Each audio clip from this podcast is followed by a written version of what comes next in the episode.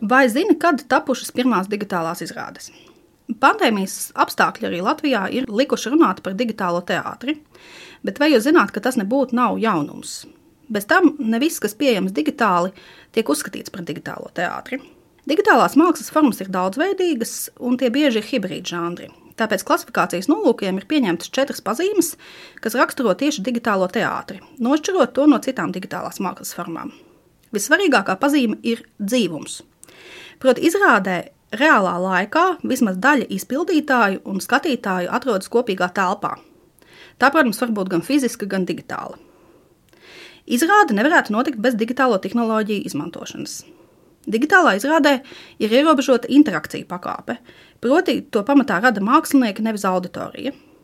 Visbeidzot, digitālās izrādes pamatā ir kāds stāsts.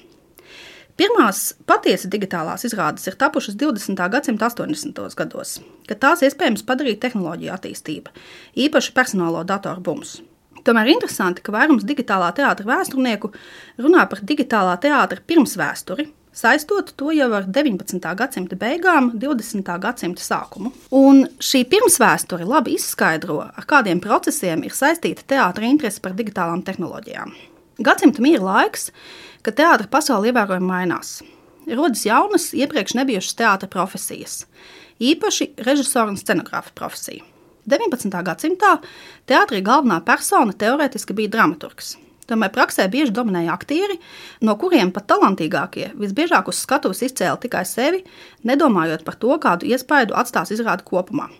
Īsi kopsavilkot pirmo slaveno režisoru un scenogrāfu iespaidu par savu laiku teātri, 19. gadsimta aktieri bija egoistiski un neusticami, kā arī neprofesionāli, jo paļāvās uz iedvesmu un talantu, nevis tehniskām zināšanām un izkoptu amatprasmi.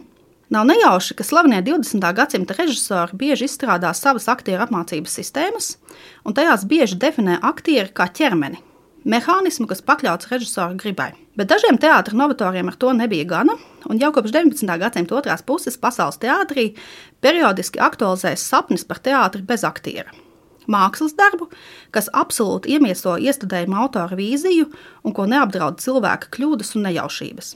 20. gadsimta sākumā tehniski tas nebija iespējams, un teātris apmierinājās ar aktieru marginalizēšanu, aizstāšanu ar marionetēm, aktieru ķermeņa vienādošanu ar scenogrāfijas elementiem.